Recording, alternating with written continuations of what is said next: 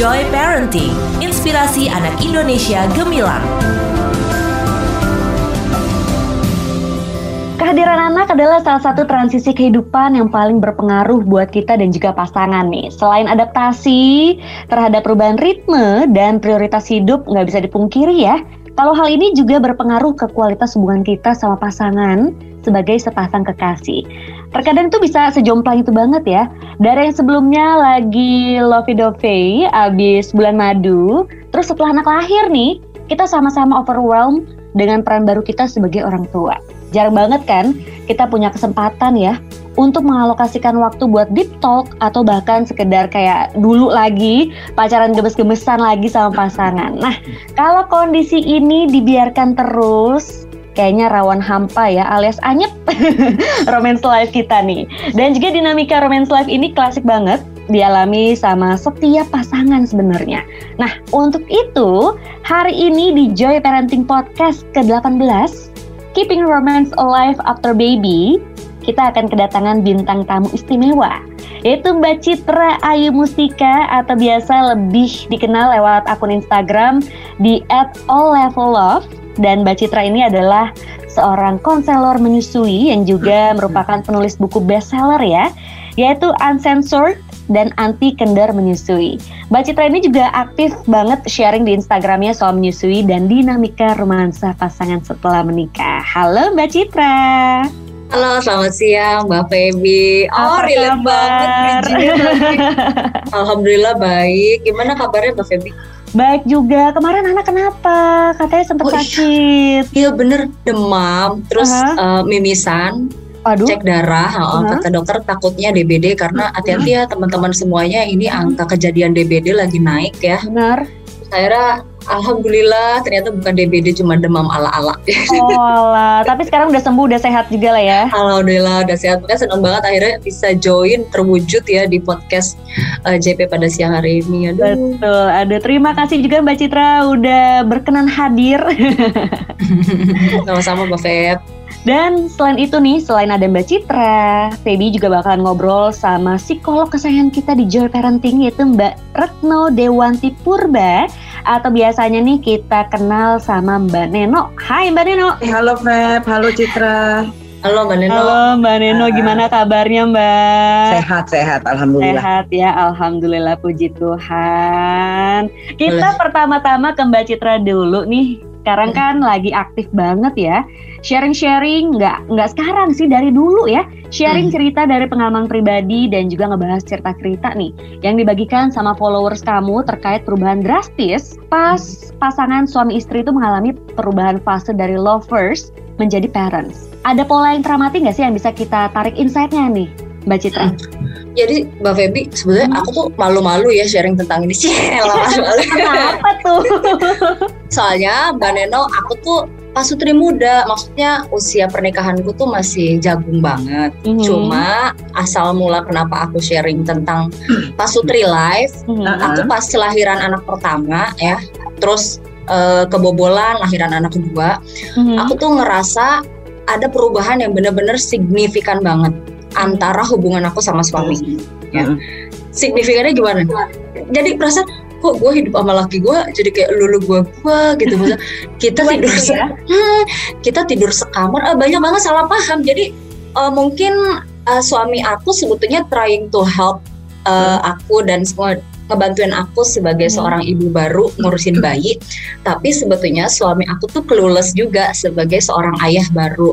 Hmm. sehingga dia memilih untuk nggak melakukan apa-apa ya udah deh daripada gua salah nanti takut diomelin bini lagi kan gua bantuin salah gua gak bantuin tak masalah guys ya hmm. akhirnya suami aku waktu itu dari gua uh, nunggu instruksi dari istri nah intinya banyak banget kesalahpahaman yang terjadi sehingga aku ngerasa ini gak bener nih. Nah, aku mulai sharing tuh Mbak Feby di Instagram hmm. tentang how life changes drastically after we have babies gitu kan ya. Nah, Berarti nah terus ini uh, dimulai dari anak pertama apa udah anak kedua nih mulai sharing-sharing mbak? Oh, pas anak pertama aku masih ngerasa rasain, mm -hmm. mul mulai berani sharing itu pas anak kedua karena okay. aku ngerasa aku tuh udah gak sehat dan buat aku nulis mm. tuh terapeutik hal yang terapeutik ya akhirnya aku nulis di Instagram ternyata responnya bombastis soalnya banyak banget pasutri yang ternyata ngerasa relate hmm. sama sharing yang aku tulis ini betapa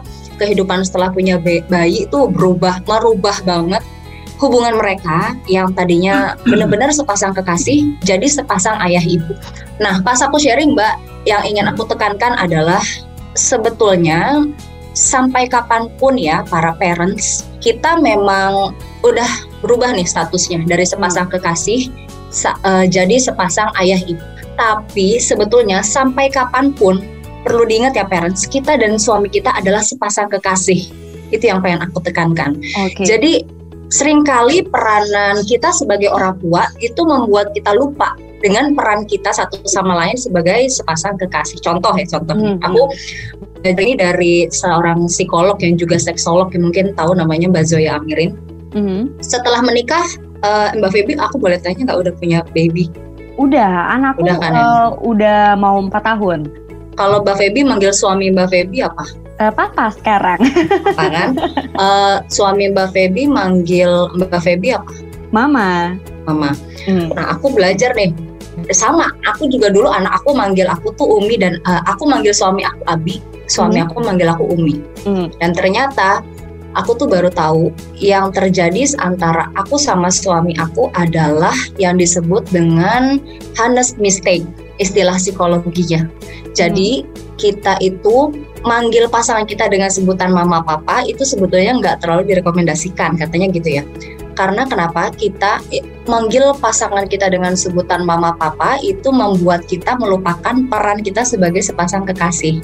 Maka dari itu walaupun kita udah punya anak, diupayakan kita tetap memanggil pasangan kita dengan sebutan yang istimewa. Contoh sayang, mm-hmm.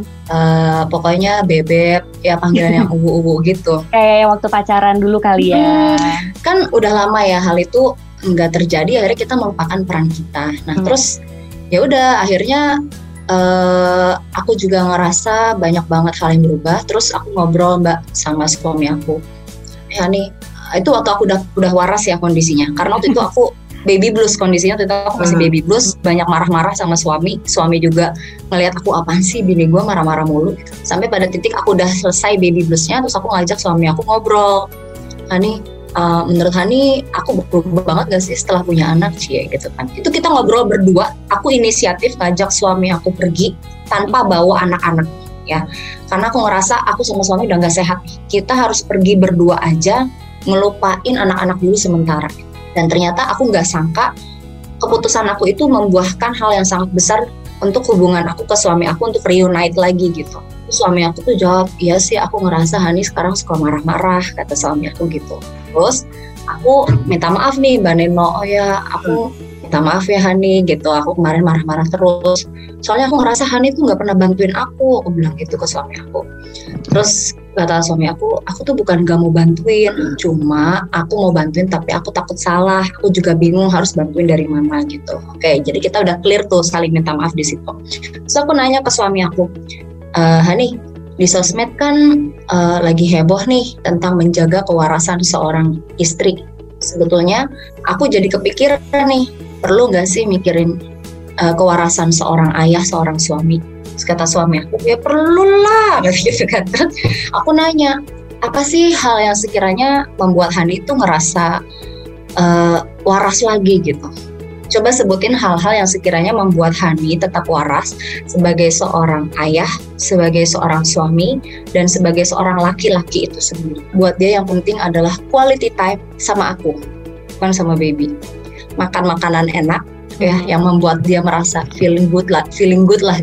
Yang membuat dia tetap waras adalah bisa ngelakuin hobi tanpa diomelin istri. Hmm. Ah, penting tuh di bold, di underline, di italic tuh tanpa diomelin istrinya. Sementara aku berkaca ke diri aku sendiri kan, ya ampun, yang membuat gue tetap waras apa? Yang membuat para istri tetap waras nomor satu apa coba? Punya duit. Ah, beda banget kan? Terus nomor duanya apaan? Mau makan. Nomor tiganya berat badan anak naik. Pokoknya semua hal tentang anak itu yang membuat istri tetap waras sampai akhirnya kita baru deh kepikiran oh iya suami gue apa kabar ya? Nah makanya nih titip banget nih buat para good friends semuanya. Jangan pernah melupakan peran kalian sebagai kekasih ya. Terus luangkan waktu kalian berdua aja tanpa bawa anak-anak. Mulailah untuk ngobrol lagi dari hati ke hati untuk bisa mengutarakan apa kebutuhan kalian satu sama lain. Karena kebutuhan kalian satu sama lain sebelum menikah, awal menikah dan setelah punya anak itu pasti bakal berubah 180 derajat. Makanya aku titip pesen banget. Nah, kira-kira kayak gitu tuh Mbak Feby. Nah, tadi aku mau nanya sih soal panggilan sayang nih Mbak Citra. Mm-hmm. Uh, panggilan biasanya kan kalau manggil mama papa tuh biar anak ngikutin kan. Ya, anak ngikutin. Mama, ya, ya mama, panggil mm-hmm. papa ya papa gitu. Nah, berarti kalau panggilan sayang uh, antara kita dan suami pas lagi nggak ada anak gitu? Gak boleh luntur. Intinya tetap harus sadar. Jadi sarannya seperti itu. Nah jadi aku juga akhirnya gini Mbak Febi. Oh iya pantesan ya aku kok rasanya setelah keseringan manggil Umi Abi kok kayak mulai turun gitu ya grafik geli-gelinya sama suami juga. akhirnya ya udah mulai dari uh, mulai dari situ kalau di depan anak kita tetap panggil Abi, Umi, hmm. tapi kalau lagi gak ada anak kita panggilnya Hani.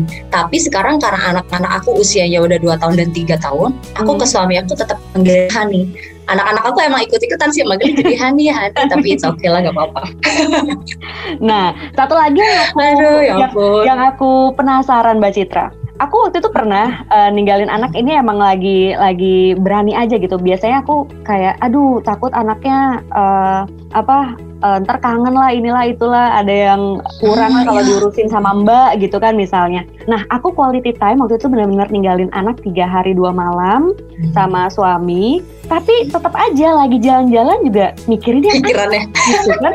Coba deh, misalnya uh, waktu itu aku lagi nginep di hotel terus aku bilang coba deh ada audit ya nama anakku. Coba deh ada audit seneng banget ya pasti kalau berenang di sini kan gitu. Iya bener bener, tetap aja mikirinnya tuh anak gitu mbak. Uh, iya bener. Sama sama banget Mbak Feby. Aku rasa semua ibu tuh kayak gitu ya. Gimana enggak ya? Itu anak ada di rahim kita 9 bulan. Habis dia lahir, dia nenek ke kita sampai 2 tahun. Dia tuh bagian yang gak terpisahkan dari diri kita kan. Coba itu juga terjadi kok sama aku Mbak Feby. Kalau jalan sama suami, tapi suami aku juga gitu. Ih, kalau lewatin toko mainan ya, ih pasti anak-anak suka.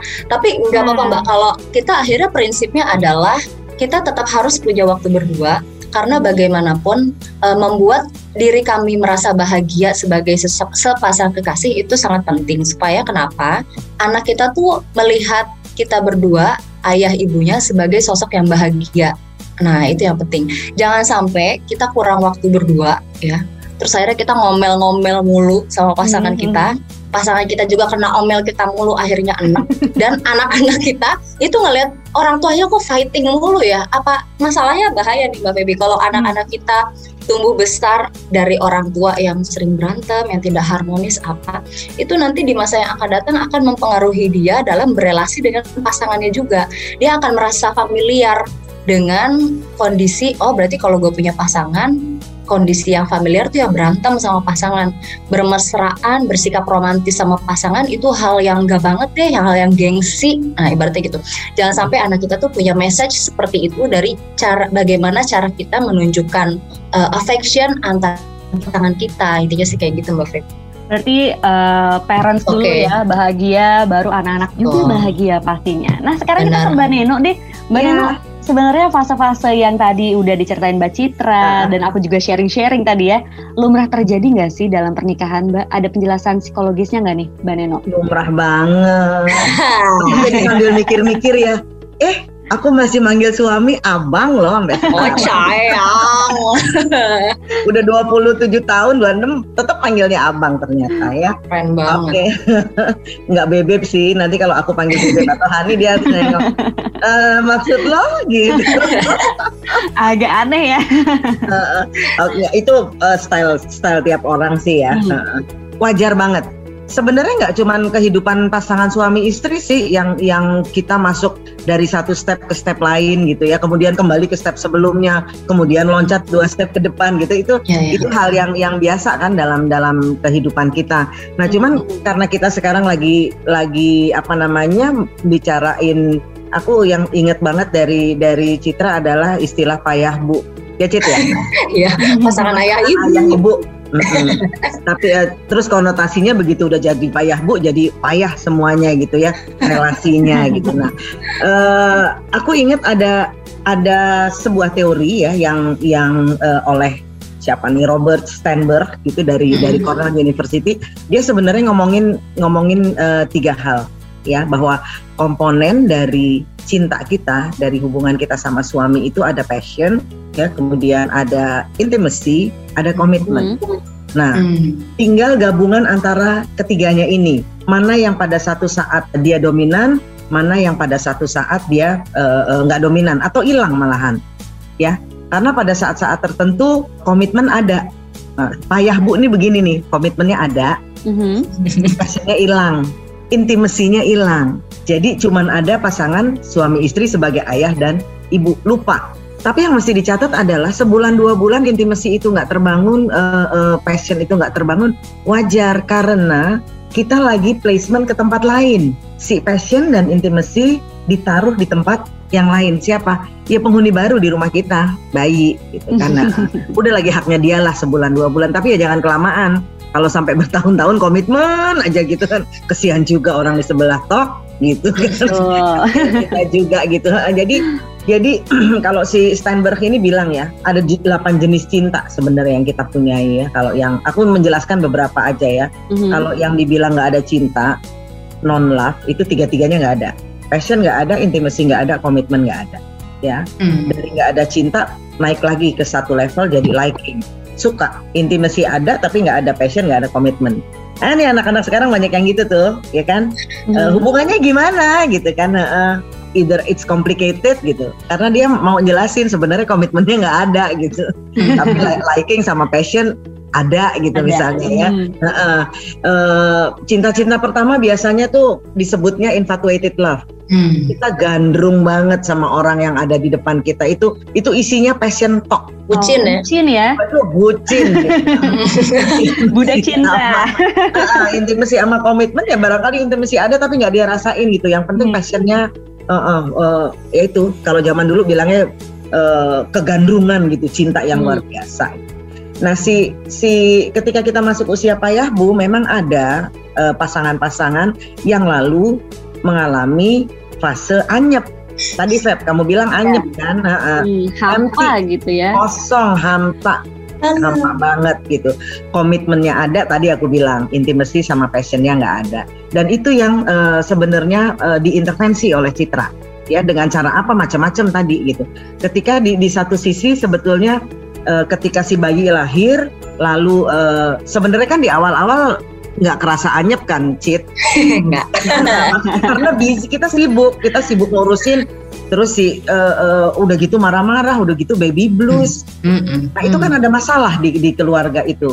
Nah mm. tiap orang punya coping strateginya beda-beda. Mm. Citra pakai coping strategi yang beda, yaitu active coping. Oh dia cari cara gimana caranya supaya bayinya tetap mau nyusu, uh, suaminya gimana, akunya juga gimana. Suami mm. itu ngambil coping behaviornya apa?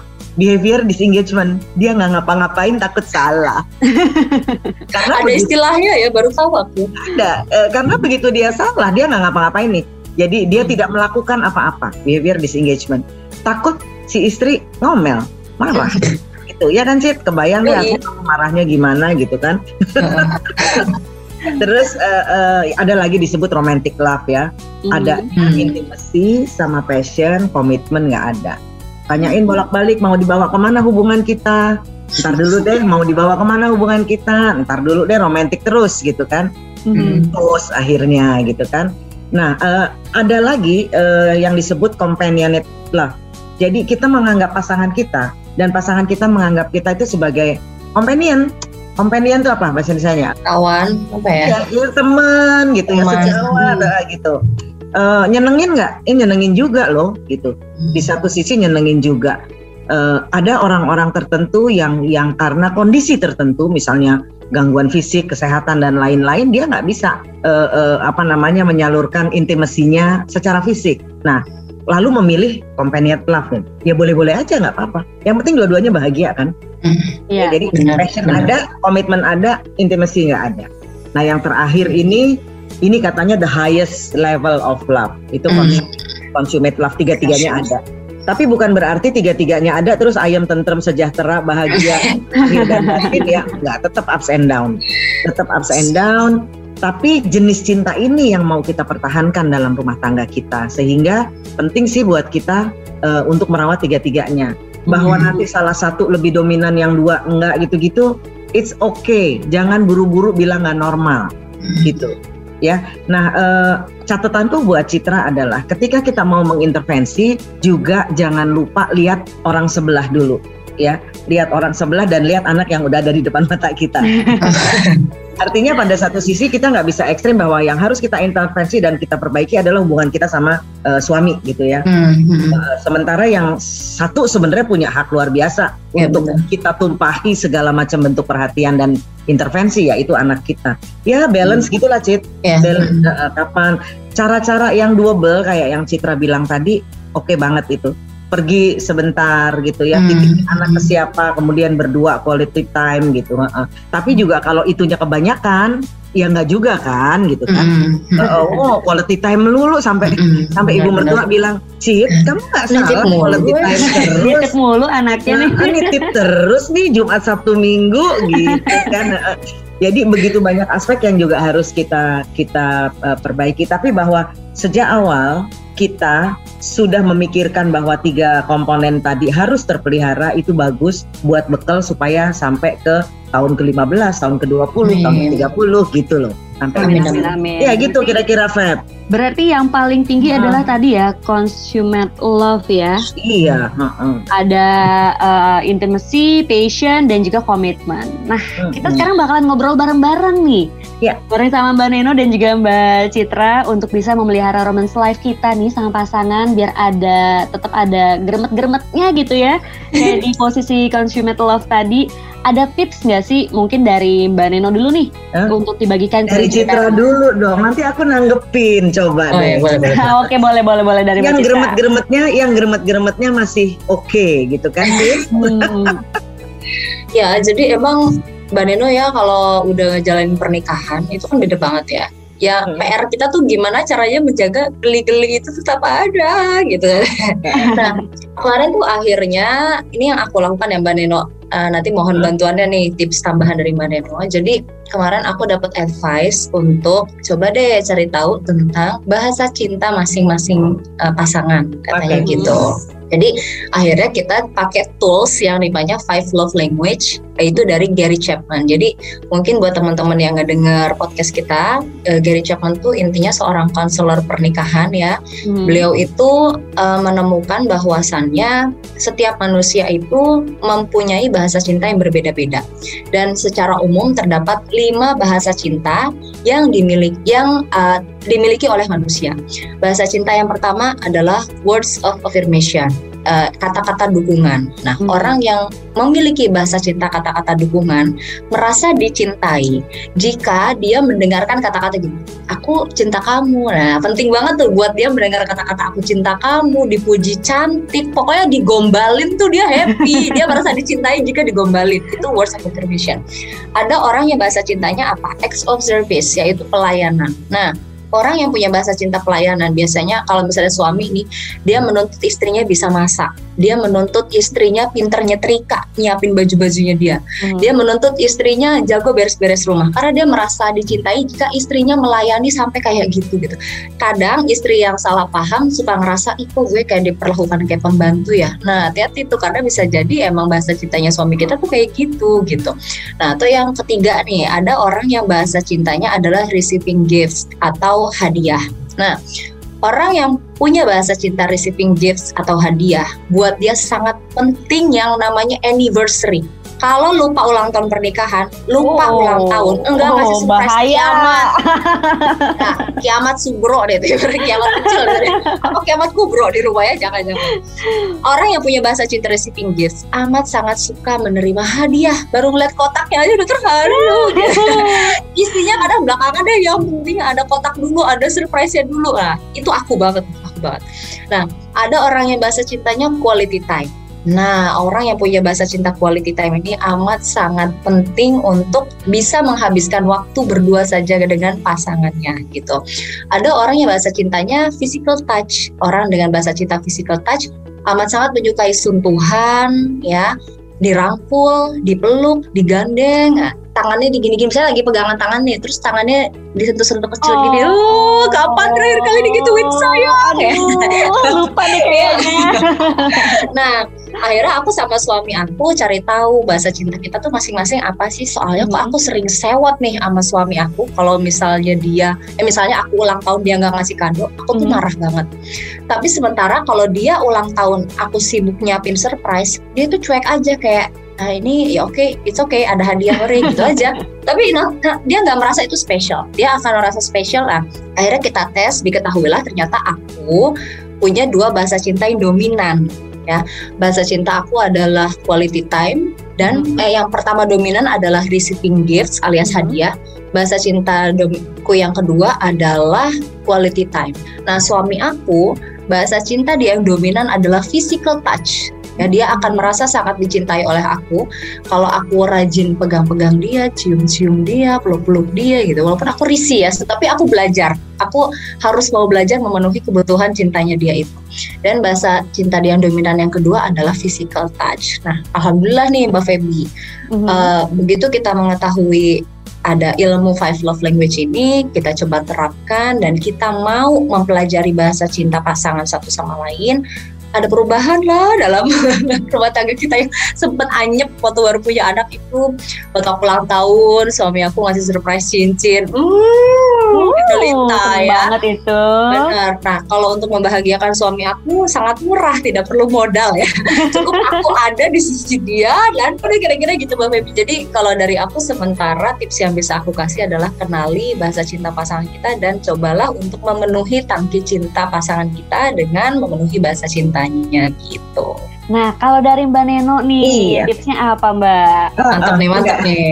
mantap nih enggak? Karena kan uh, sebenarnya uh, teori bahasa cinta itu adalah yang yang yang uh, mudah diaplikasikan ya. Cuman hmm. itu pun mudah difahami dan mudah diaplikasikan. Itu pun sering kali nggak nggak ada kehendak untuk mengenali bahasa cinta orang lain gitu. Ini kan ibarat mata uang kan. Kalau pasangan suami istri mata uangnya beda nilai tukernya nggak pernah kita omongin gitu kan. Ya salah salah salah terus. Persepsinya salah kita surfingnya salah uh, kita me mengirimkan pesan salah kita nerima pesan juga salah gitu. Karena ketika dia nggak ngasih hadiah kita pikir dia cuek gitu. Setuju. Padahal menurut suami uh, bukan itu yang penting dalam hubungan. Yang dalam hubungan yang penting adalah misalnya act of service tadi gitu. Mm-hmm. Jadi kan ada suami-suami yang apalagi mah, apalagi? Sini aku bikinin, mau ini, mau itu itu acts of service gitu. Oke, udah dijelasin bagus banget sama sama Citra ya. Mm-hmm. Nah, uh, aku cuma mau ngingetin bahwa ketika kita sudah berpasangan uh, menjalin komitmen sebagai suami istri, sebagai ayah ibu, itu ada satu kata yang mesti kita ingat ya, yaitu mm-hmm. ketersalingan. Hmm. Saling. Salingan, oke. Okay. Ya, reciprocal. Semua hal itu saling sebetulnya. Ya, e, ketika kita berusaha memahami pasangan, sebetulnya ada harapan dalam diri kita juga dia melakukan hal yang sama ke kita. Hmm. E, e, jadi saling, ya. Jadi kunci dari companionship sebetulnya adalah saling agar teamworknya itu bisa berjalan dengan resiko yang minimal dengan drama yang minimal gitu dan ya uh, dengan apa ya namanya dengan trust yang tinggi dan dengan kebahagiaan hmm. yang seoptimal mungkin yang bisa kita kita capai. Gitu. Hmm. Jadi jangan lupa bahwa uh, kayak gini prinsipnya jual beli jadinya. Ya, hmm. jual beli dalam arti uh, kalau kita menginginkan sesuatu maka kita juga harus mendeliver sesuatu. Nggak bisa separoh doang. Makanya harus saling supaya tetap terjaga. Gitu. Kemudian uh, ngelanjutin yang yang uh, love language tadi, mm-hmm. quality time itu betul itu penting ya. Cuma sekarang tantangan kita adalah kita gimana definisiin quality time itu. Karena quality timeku sama suamiku beda sama Feby sama suaminya, beda sama Citra sama suaminya. Masing-masing oh, punya style, punya gaya sendiri. Jadi aku selalu bilang bahwa uh, hubungan suami istri adalah hubungan yang paling complicated di seluruh dunia, gitu complicated banget memang hubungan ini ya, e, membutuhkan banyak hal. karena kita juga bercita-cita untuk meraih banyak hal dari situ. Jadi supaya cinta kita sebagai pasutri itu nggak carried away terus jadi payah bu gitu ya. Payah bunya nggak payah, payah bu boleh tapi nggak boleh payah gitu ya. Penting untuk betul tadi kita jadi sepasang kekasih balance seperti halnya waktu pacaran honeymoon dulu. Jadi ya ya ya udah nggak apa-apa dua bulan sekali kita punya waktu eksklusif sama suami. Jangan keseringan juga gitu. Artinya semua semua pihak yang harus harus dicurahkan uh, perhatian kita, uh, pengasuhan, pengasihan dan lain-lain itu ya ya kita penuhi sesuai dengan dengan proporsinya ya dan uh, eh, happy happy aja lah kalau dibilang iya nih anak sulungku gitu. Suami suami kita kan sering kali jadi anak sulung kita kan. Suka kolokan minta ya bayi gede. gede. gitu. Benar. Ya, duit. Kalau aku sih gini hmm. apa pun yang kita pilih kalau kita ngejalaninnya ikhlas banget gitu ya, hmm. ya ya udah it's done. Permasalahan, konflik dan lain-lain embrace. Karena itu bikin kita jadi kaya. Berarti kalau ada yang bilang happy wife, happy life itu nggak nggak cuma itu aja ya, harusnya yeah. happy husband yeah. juga iya. happy life ya. Betul. Jadi untuk joy parents untuk mempertahankan keromantisan kita setelah punya anak. Tadi diingat lagi dari Mbak Neno ya, yang ngejelasin soal uh, delapan uh, cinta ya ada hmm. yang paling tinggi itu adalah consummate love, ada intimacy, passion, dan juga komitmen. Dan yang aku ambil dari Mbak Citra adalah yang pertama itu panggilan sayang ke pasangan, jangan sampai lupa ya Mbak ya. Hey. Selain mama papa atau uh, mami dedi, uh, mami papi gitu kan, tapi ada hmm. sayang, bebek, ya dan lain-lainnya ya. Hmm. Dan juga jangan lupa untuk mengerti bahasa cinta dari suami ataupun istri ya. Betul ya Mbak Citra ya. Dan juga. Satu lagi tadi yang dari Mbak Neno adalah ketersalingan. Jadi saling-saling uh, mungkin saling memahami, saling komunikasi uh. untuk menjaga lagi keromantisan kita. Oke lah, uh. Joy Parents, terima kasih udah dengerin Joy Parenting Podcast ke-18 barengan sama Feby Lomena, ada Mbak Neno juga. Terima kasih Mbak Neno. Dan sama-sama. Thank you Mbak Feby. Thank you. Juga. Sampai ketemu ya Joy Parents di podcast selanjutnya. Bye bye. Joy Parenting, inspirasi anak Indonesia gemilang.